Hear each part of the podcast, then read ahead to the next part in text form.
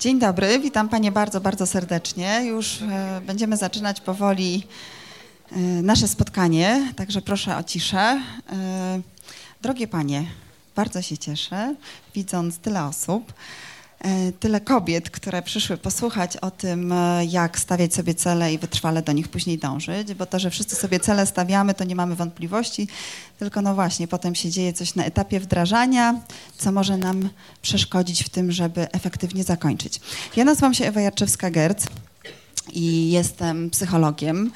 E, pracuję na Uniwersytecie z WPS, ale nie jestem takim typowym naukowcem, ponieważ jestem też psychologiem praktykiem od myślę, już 13 lat działam zarówno w biznesie, ale też w takiej sferze rozwojowej ludzi. Coachem nie jestem, natomiast prowadzę mnóstwo bardziej grupowych zajęć, szkoleń, warsztatów, które właśnie dotyczą tej sfery motywacyjnej, dlatego że ja motywacją się zajmuję nie tylko właśnie znowu jako praktyk, ale też od strony naukowej, więc to, o czym mówię, to często obalanie pewnych mitów dotyczących motywacji, e, dotyczących tego, w jaki sposób możemy się skutecznie mobilizować do działania. Tak więc dzisiaj powiem trochę na ten temat, e, co jest faktem, a co mitem i w jaki sposób możemy szybko zmotywować się do tego, żeby podjąć działanie i efektywnie zmierzać ku jego realizacji. E, jestem psychologiem motywacyjnym, a więc motywacja, wytrwałość, działanie, także stres. Także stres, który wiąże się z efektywnością, wytrwałością. Będę także dzisiaj o tym stresie mówić na kolejnym wykładzie. Już kończąc ten krótki wstęp, powiem tylko, że też jestem e, mamą. Mam dwoje dzieci, mam syna w trzeciej klasie i pięcioletnią córkę. Dobrze, zrób to. Wytrwałość i efektywność w działaniu. Jak skutecznie stawiać sobie cele i je realizować. Dzisiaj jesteśmy, drogie panie, na konferencji, która nazywa się Sukces to ja, ale ja zadam najpierw pytanie, po co nam sukcesy? A dlaczego zadam to pytanie? Dlatego, że czasem inni ludzie mi je zadają. Przychodzą do mnie na zajęcia, spotkania i mówią, ale po co nam tak naprawdę sukces? Dlatego, że czasem to brzmi w takich kategoriach bardzo komercyjnych, że, yy, że, że, że no i co, będziemy mieli tam ileś na koncie i sukcesy, ale właśnie, dlatego ja od razu wyjaśnię, czym jest dla mnie sukces. Dla mnie sukces jest bardzo rzeczą zindywidualizowaną i sukcesem jest na przykład dobre życie, sukcesem jest bycie szczęśliwą, sukcesem jest poczucie tego, że jesteśmy spełnione w jakiejś dziedzinie w roli, którą, w którą pełnimy, którą chcemy spełniać. Więc e, chciałabym, żebyście panie od razu rozumiały kwestię sukcesu dużo szerzej niż tylko to, czy na przykład e, przejdziemy świetnie rekrutację, dostaniemy wymarzoną pracę, albo czy uda nam się sprzedać tysiąc naszych produktów, ale nieco, nieco szerzej. Aczkolwiek oczywiście te sukcesy związane ze sprzedażą czy pracą też są dla nas bardzo, bardzo istotne. Ale po co nam te sukcesy? Po pierwsze, budują poczucie własnej skuteczności. Po co ono nam? Powiem szczerze, koreluje z wszystkim, co dobre. Jeżeli czujemy się skuteczne, wówczas mamy ochotę wstać rano, uczesać się, pomalować, pójść do pracy, mamy ochotę pobawić się z dzieckiem, mamy ochotę robić rzeczy związane z ciekawym, interesującym życiem. Po to jest nam właśnie sukces, żeby budować poczucie własnej skuteczności. Być może wiele z Pań jest także matkami, próbujecie budować poczucie własnej skuteczności u swoich dzieci i słusznie chwalcie je, mówcie im dobre rzeczy, ale poczucie własnej skuteczności buduje się także poprzez stawianie celów i osiąganie tych celów. Jeżeli widzimy, że jesteśmy w stanie postawić sobie cel i efektywnie do niego dążyć i go osiągnąć, to buduje naszą skuteczność. Nie tylko gadanina, nie tylko mówienie, że będzie dobrze. Zresztą ja trochę o tym pozytywnym myśleniu i mówieniu będę dzisiaj mówić i trochę mitów obalać na ten temat. Dodają pewności siebie, kształtują wysoką, stabilną samoocenę. Stabilna samoocena jest bardzo ważna, dlatego że nie wystarczy tylko wysoka. Stabilna jest nam po to, że jak nam się przytrafi wpadka, one się zdarzają, jakieś, jakieś niepowodzenie, e, jakaś trudna sytuacja, to potrafimy wstać, otrząsnąć się i pójść dalej. Tak? Nie, nie, nie, nie będziemy e, płakać przez ileś tam tygodni nad, e, nad porażką, nad złą sytuacją, ale jesteśmy w stanie po prostu pójść do, szkodu, do, do przodu. Po to nam stabilna stabilna samoocena. Zwiększają naszą wytrwałość w działaniu. Sprawiają, że dobrze się czujemy, mamy lepszy nastrój, jesteśmy szczęśliwe. A to też jest istotne, prawda? Tak jak się czujemy ale też dużym sukcesem, chciałabym od razu zaznaczyć, jest umiejętność podniesienia się po porażce i wykorzystania tego bolesnego doświadczenia do tego, żeby się rozwinąć i pójść do przodu. Czyli sukces to nie tylko sukces w sensie obiektywnym, ale czasem sukcesem może być porażka dobrze pokonana, porażka, z której wyciągamy wnioski i dzięki niej rozwijamy swoje umiejętności. Niewątpliwym źródłem sukcesu jest motywacja. W ogóle motywacja ostatnio jest takim bardzo y, często używanym określeniem. Y, jest dużo osób, które się tytułują mianem mówcy motywacyjnego. No właśnie, ale czym ta motywacja jest? Ponieważ właśnie wokół tego tematu istnieje trochę nieporozumień. Motywacja to są dwa czynniki. Nie tylko ten, o którym najczęściej się mówi, czyli chęć do osiągania sukcesów. Mówimy, chcieć to móc, prawda? No ja po części zgadzam się z tym twierdzeniem, ale wiem, że poza chęciami musimy mieć coś jeszcze. I tak właśnie z motywacji. Pierwszy czynnik to jest ta chęć do tego, żeby sukces zdobyć, żeby osiągnąć pewien wynik. Ale druga rzecz równie ważna, o ile nie ważniejsza, to jest umiejętność samodyscyplinowania się, umiejętność kontroli swojego działania w taki sposób, żeby poprowadzić od A do Z swoje działanie. Bo to, że my chcemy, to, to, jest, to jest istotne, ale zwróćcie uwagę na to, że często czegoś bardzo chcemy, ale jakoś to się nie dzieje, jakoś nic nie robimy w tym, w tym obszarze. Zresztą ostatnio widziałam takie bardzo ciekawy, ciekawe zdjęcie, mam w internecie, jak właśnie wykładowca stoi na sali, czy mówca motywacyjny, motywacyjny i pyta się osób uczestniczących e, w spotkaniu, kto chce zmiany. No i las rąk, każdy podnosi rękę, mówi, ja chcę się zmienić, ja chcę się zmienić, ale potem, ja chcę zmiany, przepraszam, ja chcę zmiany. No właśnie, ale kto chce się zmienić? Tak? I to jest ta różnica, prawda, że my chcemy zmiany, oczekujemy, aż ona gdzieś tam przyjdzie, ale czasem brakuje nam siły woli do tego, żeby do tej zmiany podejść w sposób aktywny. Czyli ten drugi czynnik to jest czynnik wolicjonalny. Ja pokażę Wam, jaka jest różnica. Czynnik motywacyjny to nasze chcenia. Możemy chcieć być dobrą matką, dobrą studentką, chcemy zdobyć umiejętność, chcemy osiągać sukcesy, zdobyć dobrą ocenę, chcemy być chwalone i tak dalej. Tak no, każdy człowiek tego chce. Natomiast ten drugi czynnik, wolicjonalny, odnoszący się do siły woli, to jest to, czy my wiemy jak być tą dobrą matką. Jak ten sukces osiągnąć? Powiem paniom, że jakiś czas temu, myślę, że to było 4 lub 5 lat temu już, uczestniczyłam w takim projekcie Polka w ciąży. Było to ogólnopolskie badanie kobiet, e, które albo właśnie są w ciąży, albo właśnie urodziły dziecko i ja zajmowałam się sferą, tam była sfera związana z dietą, z różnymi obszarami życia, ja zajmowałam się sferą psychologiczną. I jednym z pytań e, wobec kobiet ciężarnych, Polek, było to, co byś najbardziej chciała zmienić w swoim stylu życia, jak, e, jak jesteś w ciąży, tak? Co było twoją największą ambicją? Powiem panią, że większość kobiet wskazywała, że chciałaby obniżyć stres bo wszystkie wiemy, że to jest bardzo ważne, żeby w ciąży się nie stresować, żeby się umieć relaksować, redukować napięcie i tak dalej, i tak. Natomiast odsetek kobiet, które wskazały, że czują się bardzo silnie zestresowane, był mały czy duży, jak myślicie? No bardzo duży, dokładnie, więc jakby ja jako psycholog praktyk bardzo często obserwuję, że jedną rzeczą jest to, że my chcemy nie wiem, nie stresować się, chcemy schudnąć, chcemy regularnie ćwiczyć, chcemy zmienić dietę, ale jakoś nie przekłada się to na praktykę. I za to właśnie odpowiada ów czynnik wolicjonalny, czyli nasza siła woli do tego, żeby te zmiany wdrażać, bo my tych zmian chcemy, natomiast nie zawsze do nich podchodzimy w sposób aktywny wiem, jak nauczyć się danego tematu. Dlaczego, dlaczego te Polki, jeszcze wracając do badań Polka w ciąży, dlaczego one były tak zestresowane? Bo one nie wiedziały, w jaki sposób radzić sobie ze stresem, w jaki sposób można obniżać y, poziom napięcia y, i stresu. Co jeszcze w tym obszarze wolicjonalnym? Potraf, potrafię rezygnować z chwilowej przyjemności, aby się czegoś na przykład nauczyć albo coś zrobić, tak? wykonać jakieś, jakieś zadanie. Potrafię wkładać wysiłek w swoje działanie. Potrafię ogólnie wyjść poza strefę swojego komfortu, po to, żeby się rozwinąć albo zdobyć nową umiejętność. Ponieważ ja będę dzisiaj kilka razy podkreślała w trakcie mojego wystąpienia, że my czasem mylimy ten cel, ten wynik, który znajduje się na końcu drogi, o którym my marzymy, który jest taki pożądany i cudowny, z drogą, która do niego prowadzi. Ponieważ o ile ów wynik jest przyjemny, miły, cudowny, pozytywny, o tyle droga, która często do tych wyników prowadzi, bywa usłana nie tylko płatkami róż, ale czasem i kolcami. Dlatego właśnie zacznę od tego, czym proces motywacyjny jest. Bo my często jak kojarzymy, jak ja pytam ludzi, co, co, dla was znaczy pojęcie motywacja, z czym ją kojarzycie? Mówią ludzie, żeby nam się tak chciało, jak nam się nie chce, tak? Żeby nam się chciało rozpocząć działanie. Ale drogie panie, rozpoczęcie to dopiero pierwszy etap.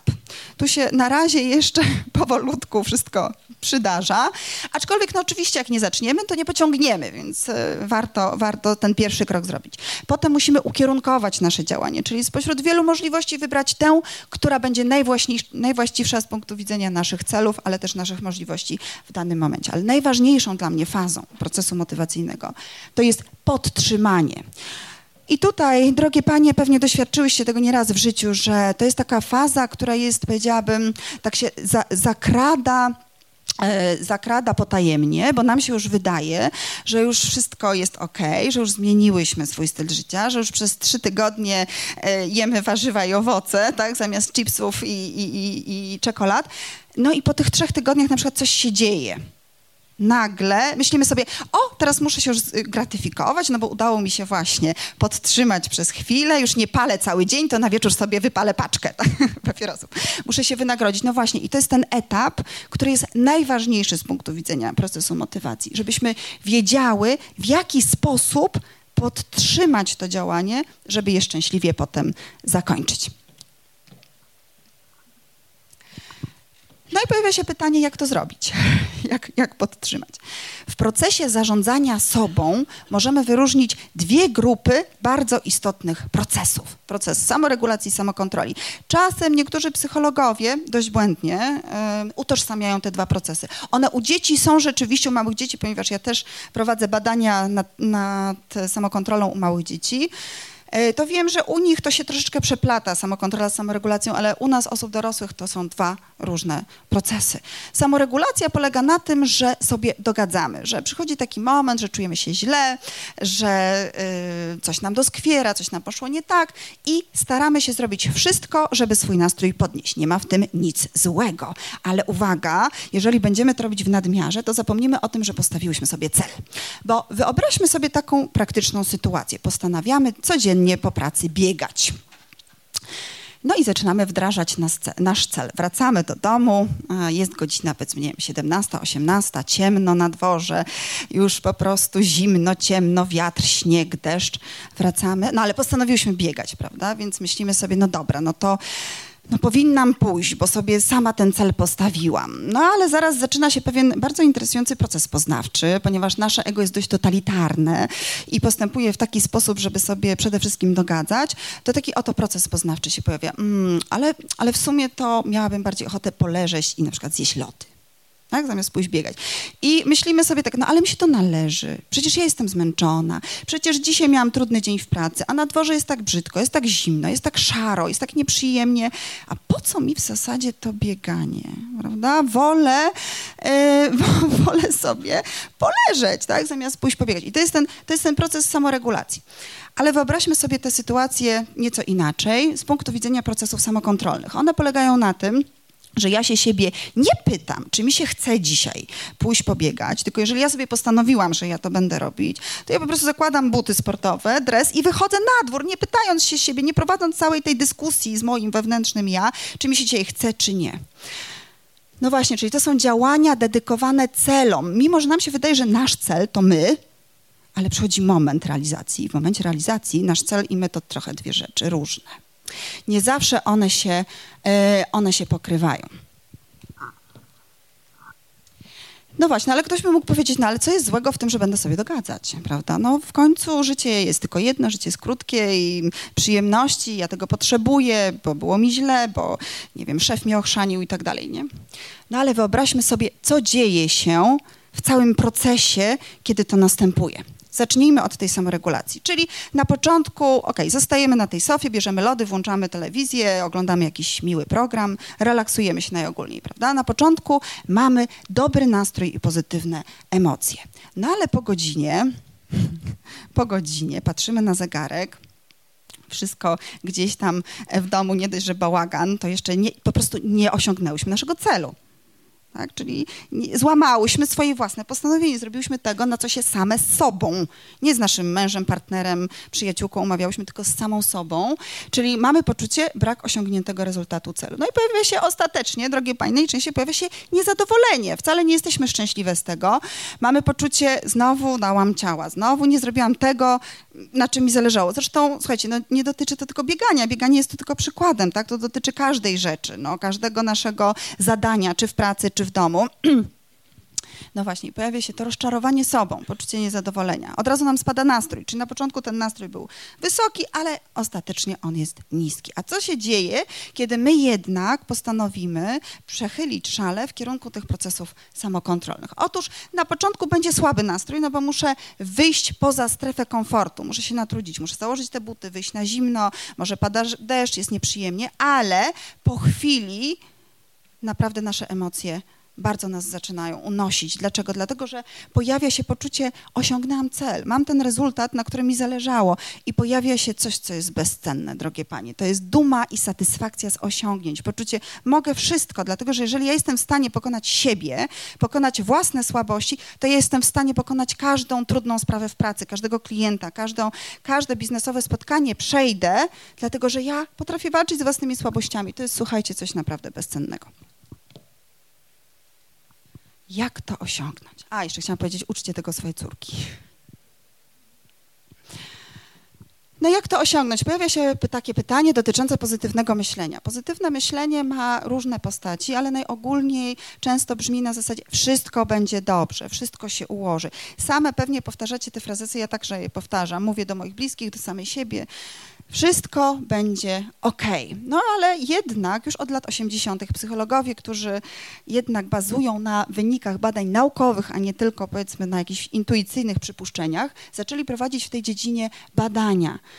Czy jak będziemy się skupiać, wyobrażać sobie, zresztą ja właśnie zajmuję się wyobrażeniami, treningiem mentalnym, e, nawet wydałam na ten temat książkę w zeszłym roku, właśnie jak osiągać cele dzięki wyobrażeniom tak? Bo wyobraźnia to jest coś, co każdy z nas ma. W ogóle nie ma polemiki w tej sprawie. Wiemy, że mamy wyobrażenia.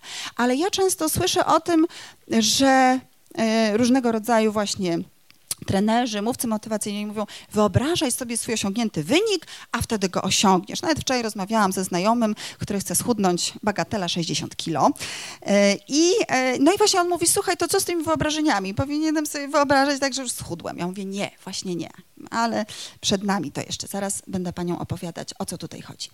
No właśnie, czy jeżeli nasze dziecko staje przed ważnym sprawdzianem, albo my mamy jakiś ważny sprawdzian, egzamin, E, albo mamy ważne spotkanie z klientem, forsujemy jakąś e, niezwykle cenną umowę. Czy warto wyobrażać sobie pozytywny wynik już osiągnięty e, w tym działaniu? Ja opowiem Wam o tym, że tak naprawdę w tym pozytywnym myśleniu istnieje, istnieją co najmniej dwa podejścia. Znaczy, co najmniej dwa rodzaje optymizmu. Pierwszy rodzaj optymizmu to optymizm aktywny. Na czym on polega? On polega na tym, że my oczekujemy pozytywnej przyszłości, ale jednocześnie bierzemy się do roboty. To znaczy uważamy, że jesteśmy współtwórczyniami tej pozytywnej przyszłości i teraz wiem, że zrobię to, nie lubię słowa uda mi się, bo to ściąga z nas odpowiedzialność i wskazuje na czynnik losowy. W języku polskim nie ma takiego dobrego słowa, które mówiłoby o tym, że ja to zrobiłam, więc załóżmy, że uda nam się, tak, zrobimy to. Nie czekamy, aż ten sukces sam do nas przyjdzie, ale po prostu działamy w tym kierunku, żeby on, y, żeby go osiągnąć. Z drugiej strony jest także pozytywne myślenie, które możemy nazwać optymizmem biernym. Na czym on polega? On polega na tym, że my po prostu czekamy, aż dobre rzeczy same do nas przyjdą. Uważamy, że nasze pragnienie sukcesu jest wystarczające, żeby go osiągnąć ponieważ ja tak bardzo, bardzo chcę, to oczekuję, że to się przytrafi. Natomiast najczęściej, pominąwszy sytuacje losowe, które faktycznie czasem się zdarza, że szczęście na nas samo spadnie, to jednak nawet w obszarze budowania jakości życia, jeżeli my same nie podejmiemy działania, jeżeli my same nie zaplanujemy sobie dnia w taki sposób, żeby móc pójść na basen, do kosmetyczki, żeby móc coś przyjemnego sobie zrobić, to raczej mała szansa na to, że nam to po prostu z nieba samo spadnie. Ale wcale nie zachęcam do myślenia negatywnego, ale powiem Panią, że istnieją dwa rodzaje myślenia negatywnego pesymizmu, także pesymizm aktywny i bierny. Na czym ów pesymizm aktywny polega? On polega na tym, że oczekujemy negatywnego wyniku, ale jednak z przekonaniem, że uda nam się tego wyniku uniknąć, czyli robimy wszystko, żeby go uniknąć. Czasem nazywany jest ten pesymizm tak zwanym defensywnym, bo on jest obronny, my się bronimy. To są osoby typu na pewno nie znam egzaminu i dostaję piątkę. Tak? Dlatego, że tak bardzo boją się tego negatywnego wyniku, tak bardzo boją się porażki, że robią wszystko, żeby do tej porażki nie doszło. Powiem panią, że z punktu widzenia obiektywnego taki aktywny pesymista, on jest świetnym pracownikiem. Na początku na początku, bo problem polega na tym, że on się szybko wypali, ale na początku on będzie robił wszystko, on będzie świetnie świetne miał wyniki, będzie świetnie sprzedawał, dlatego że będzie tak bardzo bał się porażki, że on się, przepraszam za użycie kolokwializmu, zajedzie po to, żeby nas zadowolić. Tak? Ale jednak, od razu mówię, wszystko ma swoją cenę tak? jest tego jakiś koszt. A koszt polega na tym, że drenowanie zasobów bez odnawiania ich powoduje, że one się w którymś momencie po prostu wypalą, pojawia się wypalenie ego, wyczerpanie zasobów ego i niestety nie mamy już siły działać, a pojawiają się choroby, pojawiają się zwolnienia, dlatego że człowiek po prostu fizycznie przestaje dawać radę. No jest jeszcze czwarty rodzaj myślenia, czyli drugi rodzaj y, pesymizmu, to jest bierny pesymizm, który jest najgorszą rzeczą na świecie. On polega na tym, że widzimy problem w każdym rozwiązaniu. To znaczy, myślimy negatywnie i tak naprawdę nie podejmujemy żadnego działania, które miałoby nam pomóc w rozwiązaniu tej trudnej sytuacji. No, często jest to takie myślenie depresyjne, zresztą właśnie ten depresyjny, bierny pesymizm towarzyszy czasem okresom depresji i obniżonego y, nastroju. Dlaczego warto być e, aktywnym optymistą? Czujemy się lepiej, mamy lepszy nastrój. W sytuacjach stresu częściej aktywni optymiści sięgają po aktywne formy radzenia sobie ze stresem. Aktywne to na przykład rozwiązanie problemu, to zadanie. Stawiamy sobie zadanie, działamy, dzięki temu obniżamy poziom stresu. Pesymiści lub też e, bierni optymiści często udają długo, że wszystko jest w porządku, a potem na końcu wszystko się wali. Tak? Więc e, jednak w tym przypadku także warto być aktywnym optymistą. Aktywni optymiści także częściej podejmują działania prozdrowotne, ale uwaga, w przeciwieństwie do biernych optymistów, bo bierni optymiści uważają co? Wszystko będzie dobrze. Tak? Boli mnie żołądek przez pół roku, ale jestem przekonana, że wszystko będzie dobrze. Więc nie idziemy do lekarza, nie podejmujemy działania, tylko potem można się nieźle rozczarować, dlatego że choroba jest zaawansowana i już niestety czasem może być po prostu za późno. Optymiści są bardziej wytrwali w nauce, rzadziej chorują. Wiecie Panie dlaczego? Dlatego, że mają silniejszy układ odpornościowy. Myślenie przekłada się na nasze ciało, na naszą, nasze fizykalne bardzo atrybuty. Jest wiele badań, które pokazują, że sposób, w jaki myślimy, wpływa na siłę naszego układu immunologicznego. Między innymi aktywni optymiści mają we krwi więcej komórek NK, czyli natural killers, a także więcej limfocytów. Opowiem Paniom teraz właśnie o pewnym badaniu, które zostało przeprowadzone, a dotyczyło tego pozytywnego myślenia.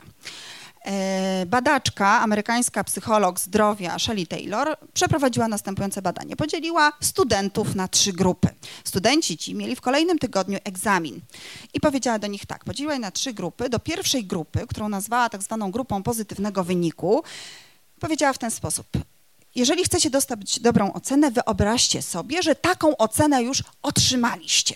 Czyli treść wyobrażenia obejmowała e, takie obrazy, że przychodzę na uczelnię, idę spojrzeć na listę z wynikami, podchodzę do mojego nazwiska, a tam po prostu ocena bardzo dobra. Tak? Czyli mieli sobie wyobrażać, że już osiągnęli taki wynik. Druga grupa miała wyobrażać sobie proces działania prowadzący do otrzymania takiego wyniku, czyli Mieli sobie wyobrażać, że się uczą, że włączają komputer i coś piszą, że czytają notatki, idą do biblioteki, pożyczają materiały, ale mieli sobie także wyobrażać, że na przykład jak dzwoni do nich przyjaciółka i mówi, chodź idziemy na spacer czy tam na imprezę, oni mówią, dziś nie mogę, bo się uczę. Tak? Mieli sobie także wyobrażać, że na przykład wyłączają telewizor, żeby nie przeszkadzał. Czyli mieli jakby podjąć także działania, które, wyobrazić sobie podjęcie działań, które powodują, że się odcinają od dystraktorów, czyli tak zwanych przeszkadzajek, które wpływają na naszą uwagę, zjadają nam nasze e, zasoby. To była druga grupa. I trzecia grupa to była grupa kontrolna bez symulacji. Mieli po prostu przygotowywać się do egzaminu tak jak zwykle. Co się okazało? Okazało się, że studenci, którzy wyobrażali sobie proces działania, szybciej siadali do nauki, czyli zaczynali uczyć się wcześniej, poświęcali na naukę dużo więcej czasu, ale także efekty były na poziomie obiektywnym, bo oni uzyskali średnio 8 punktów więcej niż badani z grupy kontrolnej, a także osoby wyobrażające sobie jedynie pozytywny wynik działania. Dlaczego tak się stało? Zaraz będziemy ten temat pogłębiać. Po pierwsze, symulacje procesu zmniejszają nasz poziom lęku. Dlaczego? Ponieważ czasem my nie siadamy do zadania, ponieważ mamy w głowie przekonanie, że ono jest tak trudne, że je jakby tak spychamy, odraczamy, ale jak już się z nim skonfrontujemy, to nagle się okazuje łatwizna. prawda? I coś takiego się dzieje, kiedy my sobie wyobrażamy proces, my się zbliżamy do tego procesu i to powoduje, że uprawdopodobnia się to, że my to działanie rzeczywiście podejmiemy. Ale także tego typu proces poznawczy pomaga w sformułowaniu szczegółowego planu działania. E, taki bardzo znany e, psycholog e, niemiecki Peter Gollwitzer, on wyliczył, że średnio dobry plan odpowiada za 70% sukcesu. Więc stworzenie takiego planu w głowie powoduje, że naprawdę stajemy się bardziej skuteczne. Jak to wyglądało? Drogie Panie, przede wszystkim zwróćcie uwagę na to, że osoby z grupy symulacji pozytywnego wyniku, ponieważ tak te wyobrażenia się właśnie nazywają, nazywamy je symulacjami mentalnymi, ponieważ one symulują rzeczywistość, uzyskały najgorsze wyniki. Czyli można powiedzieć, to było na poziomie trendu statystycznego, że oni wypadli nawet gorzej niż grupa kontrolna, czyli ci, co sobie nic nie wyobrażali. Czy panie macie pomysł, dlaczego osoby z grupy symulacji wyobrażenia sobie pozytywnego wyniku wypadły najsłabiej? No właśnie, dokładnie tak. Czyli już nie zostaje wzbudzone w tym momencie poczucie, że ja muszę włożyć jakikolwiek wysiłek w to, żeby do tego dojść. Słuchajcie, to jest scedowanie odpowiedzialności na czynnik losowy. Skoro jestem takim świetnym uczniem, już widzę oczyma wyobraźnię, jak dostaję piątkę, to po co ja mam siadać do książek? Jak mogę w tym czasie zrobić coś zdecydowanie bardziej przyjemnego? Opowiem Paniom także o badaniu moim własnym, który już, już powiedzmy no, z 10 lat temu przeprowadziłam z kobietami, które chciały się odchudzać, ponieważ ja też zajmuję się zdrowym stylem życia, prowadzę wykład u nas na uniwersytecie właśnie ze zdrowego stylu życia e, i trochę, trochę na psychodietetyce także uczę. No właśnie, słuchajcie, wiele osób ma z tym kłopoty, ale powiem paniom, że z mojego badania na próbie reprezentatywnej Polaków i Polek wynika, że my, kobiety, Polki, e, średnia Polka nie ma problemów z wagą. Mieści się jakby w normie, jeżeli chodzi o BMI, wskaźnik BMI. Natomiast mężczyźni, którzy są dzisiaj tutaj w zdecydowanej mniejszości, mężczyźni mają. Mężczyźni już są na pograniczu, e, średnio, średnio Polak jest na pograniczu nadwagi, no nie otyłości, ale, ale nadwagi. Ale powiem wam, co ciekawe jest to, że jak zapytamy ich, czy jesteś zadowolony ze swojej wagi, on mówi, tak, bardzo. A jak zapytamy średnio kobietę, czy jest zadowolona, nie. Zresztą będę dzisiaj także mówić trochę o samoocenie, ale chyba na, na, na, tym wykładzie dotyczącym stresu. Natomiast rzeczywiście my kobiety, dlatego powiedziałam, przekazujcie tę wiedzę swoim córkom, ponieważ my kobiety wciąż mamy mniej stabilną samoocenę niż mężczyźni. Wynika to z wielu czynników, o których ja dzisiaj nie będę mówić, bo nie tego dotyczy wykład, ale drogie panie, naprawdę budowanie poczucia własnej skuteczności, mężczyźni są ważni w naszym życiu, ja nie, nie, nie przeczę, ale słuchajcie, żeby nie uzależniać swojej samooceny od tego, co powie facet. OK. No więc badałam kobiety, które się odchudzały e, i podzieliłam je na cztery grupy. Pierwsza grupa, ja tutaj trochę zmieniłam e, w porównaniu do tamtego badania jeszcze scenariusze symulacji, ponieważ ja wprowadziłam jeszcze tę jedną grupę tych defensywnych pesymistek. To znaczy, ja poprosiłam o to pewną grupę, jedną z tych czterech, żeby sobie najpierw wyobrażały, że jeszcze przytyły bardziej, żeby je trochę wystraszyć, tak?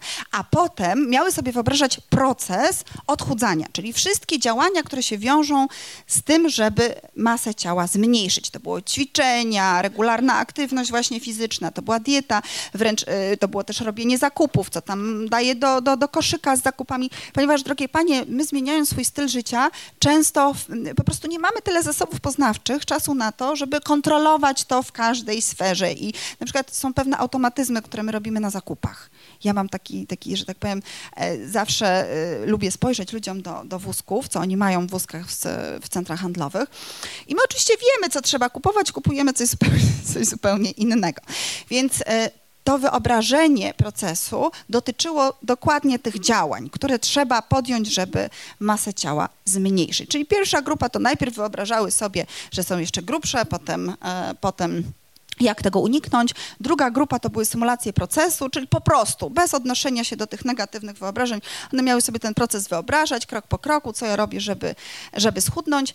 Trzecia grupa to były symulacje pozytywnego wyniku i tu właśnie jest ten standard, który najczęściej się pojawia, czyli wyobrażanie sobie, nie wiem, siebie w bikini albo w jakiejś tam sukience obcisłej, tak, wyobrażanie sobie siebie już w szczuplejszym po prostu wydaniu. No i grupa kontrolna, która sobie nic nie wyobrażała. Metoda, metodologia tego badania była taka, że pozostawałyśmy, my eksperymentatorki, z tymi osobami w kontakcie. Co tydzień się ważyłyśmy, to było pięć tygodni, więc tutaj też była pewnego rodzaju rola trenera To znaczy my kontrolowałyśmy przebieg ich, procesu odchudzania, w związku z czym nawet osoby z grupy kontrolnej coś schudły i osoby z grupy symulacji pozytywnego wyniku. Potem robiłyśmy kolejne badanie, w którym po prostu spotkałyśmy się z tymi kobietami na początku i na końcu i efekty w tych dwóch grupach były bardzo słabe. No ale zwróćcie uwagę na to, że niezależnie od wszystkiego osoby z grupy procesu i procesu, któremu najpierw, e, który był poprzedzony negatywnym wynikiem, schudły dwa razy, dwa razy więcej. Czyli rzeczywiście skupienie na procesie powoduje, że my nabieramy tego warsztatu, tej siły woli. My wiemy, jak osiągnąć swój cel, jak to zrobić. Wyobraźnia jest ważniejsza od wiedzy, bo wiedza jest ograniczona. Wyobrażenia mogą nam pomagać w osiąganiu celów, jeśli po pierwsze wyobrażamy sobie proces, czyli krok po kroku czynności, które mają nas do tego celu doprowadzić, takie atomy działania. Bo co się dzieje? Dzięki temu zaczynamy dostrzegać pewne przeszkody, które mogą się pojawić na drodze do jego osiągnięcia. Taką przeszkodą może być na przykład to, że siedzimy w pracy i nagle się okazuje, że nasza jakaś tam daleka koleżanka z któregoś pokoju obok ma imieniny. Tego nie przewidziałyśmy. I nagle wchodzi w, w, drzwi z wielkim, pysznym, pachnącym tortem czekoladowym. My oczywiście jesteśmy na diecie, postanowiłyśmy nie jeść takich rzeczy, no ale to jest sytuacja nieprzewidywalna, której nie przewidziałyśmy. Ona jest nagła, ad hocowa. Bardzo często my wtedy po prostu zapominamy o tym, że, że, jesteśmy, że jesteśmy na diecie. Przygotowanie się, symulacja procesu powoduje, że właśnie my na takie sytuacje e, troszkę się uwrażliwiamy i potrafimy na nie lepiej zareagować. Co jeszcze powodują e, symulacje procesu? One powodują, że się nastawiamy na tryb działania, czyli na samokontrolę, a nie na przyjemności i dogadzanie sobie, czyli samoregulację która, będę powtarzać, jest bardzo ważna, samoregulacja, ale tylko wtedy, kiedy nie przeważa No właśnie, a co dzieje się w sytuacji, kiedy wyobrażamy sobie same wyniki, a w szczególności pozytywne? Zaczynamy świętować swój sukces jeszcze przed tym, jak w ogóle podejmiemy działanie, które jest ukierunkowane do jego osiągnięcia. Często nam to wystarczy, bo to jest bardzo miłe wyobrażenie. Badania z wykorzystaniem metod pomiaru e, pobudzenia fizjologicznego pokazują, że kiedy wyobrażamy sobie pozytywne wyniki, to wzorzec pobudzenia jest taki, jakbyśmy już to osiągnęli prawie. On jest mniejszy, bo my czujemy, że to jednak nie jest do końca to, ale mimo wszystko jest to bardzo przyjemne. To powoduje, wzbudza w nas pozytywne emocje. Drogie Panie, ja powiem jeszcze o tym, zanim włączy się e, prezentacja, że my często widzimy bardzo dużą różnicę między tym, co dzieje się w rzeczywistości, a co dzieje się w naszej głowie. Natomiast dla głowy, czyli dla naszego mózgu, ta różnica nie jest aż tak drastyczna. Bowiem e, przypomnijcie sobie wasz ostatni sen. Na przykład ja, ja dzisiaj w nocy miałam bardzo taki żywy, e, obrazowy sen. Co się dzieje, kiedy śni nam się na przykład koszmar, że ktoś nas goni? Co się dzieje z naszym ciałem? Spinamy się. Co jeszcze?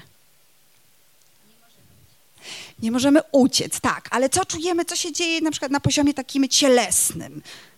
Dokładnie, przyspiesza nam tętno. Co się jeszcze może zdarzyć? Tak, tak. Co jeszcze? Płaczemy czasem? Pocić się, dokładnie, płaka, y, płakać, pocić się, krzyczeć. Po prostu różne y, objawy się pojawiają, dokładnie jakbyśmy tam byli, mimo że nas tam nie ma. Nie? Obiektywnie nas tam nie ma. Teraz spójrzmy. A tak, właśnie tak myślałam, że będzie o mózgu. No właśnie, czyli można powiedzieć, że wzorzec pobudzenia e, fizjologicznego, kiedy nam się śni, jest taki sam, jak w sytuacji, kiedy faktycznie byśmy tam były. Oczywiście marzenia senne, bo tak się profesjonalnie nazywają sny, to jest nieco inne zjawisko niż, o, niż wyobrażenie, tak? Jednak marzymy we śnie w sposób obrazowy, dlatego pozwalam się odnieść do tego, do tego zjawiska. Dlatego, że z punktu widzenia neurobiologii kiedy wyobrażamy sobie ruch, to w mózgu aktywizowane są w zasadzie te same obszary, bez jednego, zaraz powiem które, te same obszary, które są odpowiedzialne za wykonanie tego ruchu, jakby w świecie realnym. I teraz tak, można powiedzieć, że dzięki temu możemy na sucho w głowie ćwiczyć pewne zachowania, działania. To jest w ogóle bardzo y, szeroko wykorzystywane w sporcie. Niestety w Polsce w mniejszym zakresie, aczkolwiek już Adam Małysz na tym pracował y, i osiągał, jak wiecie, bardzo, bardzo duże sukcesy. Natomiast myślę, że przede wszystkim w naszych sportach drużynowych to by się przydało, na przykład w piłce nożnej.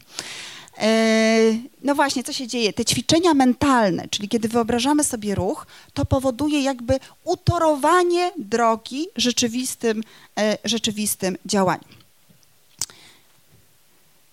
Dlaczego tak się dzieje? Dzieje się tak dlatego, że kiedy wyobrażamy sobie proces działania, wówczas w naszym mózgu aktywizowane są, yy, można powiedzieć, układy, które odpowiadają za dwie rzeczy – za planowanie i przygotowanie ruchu.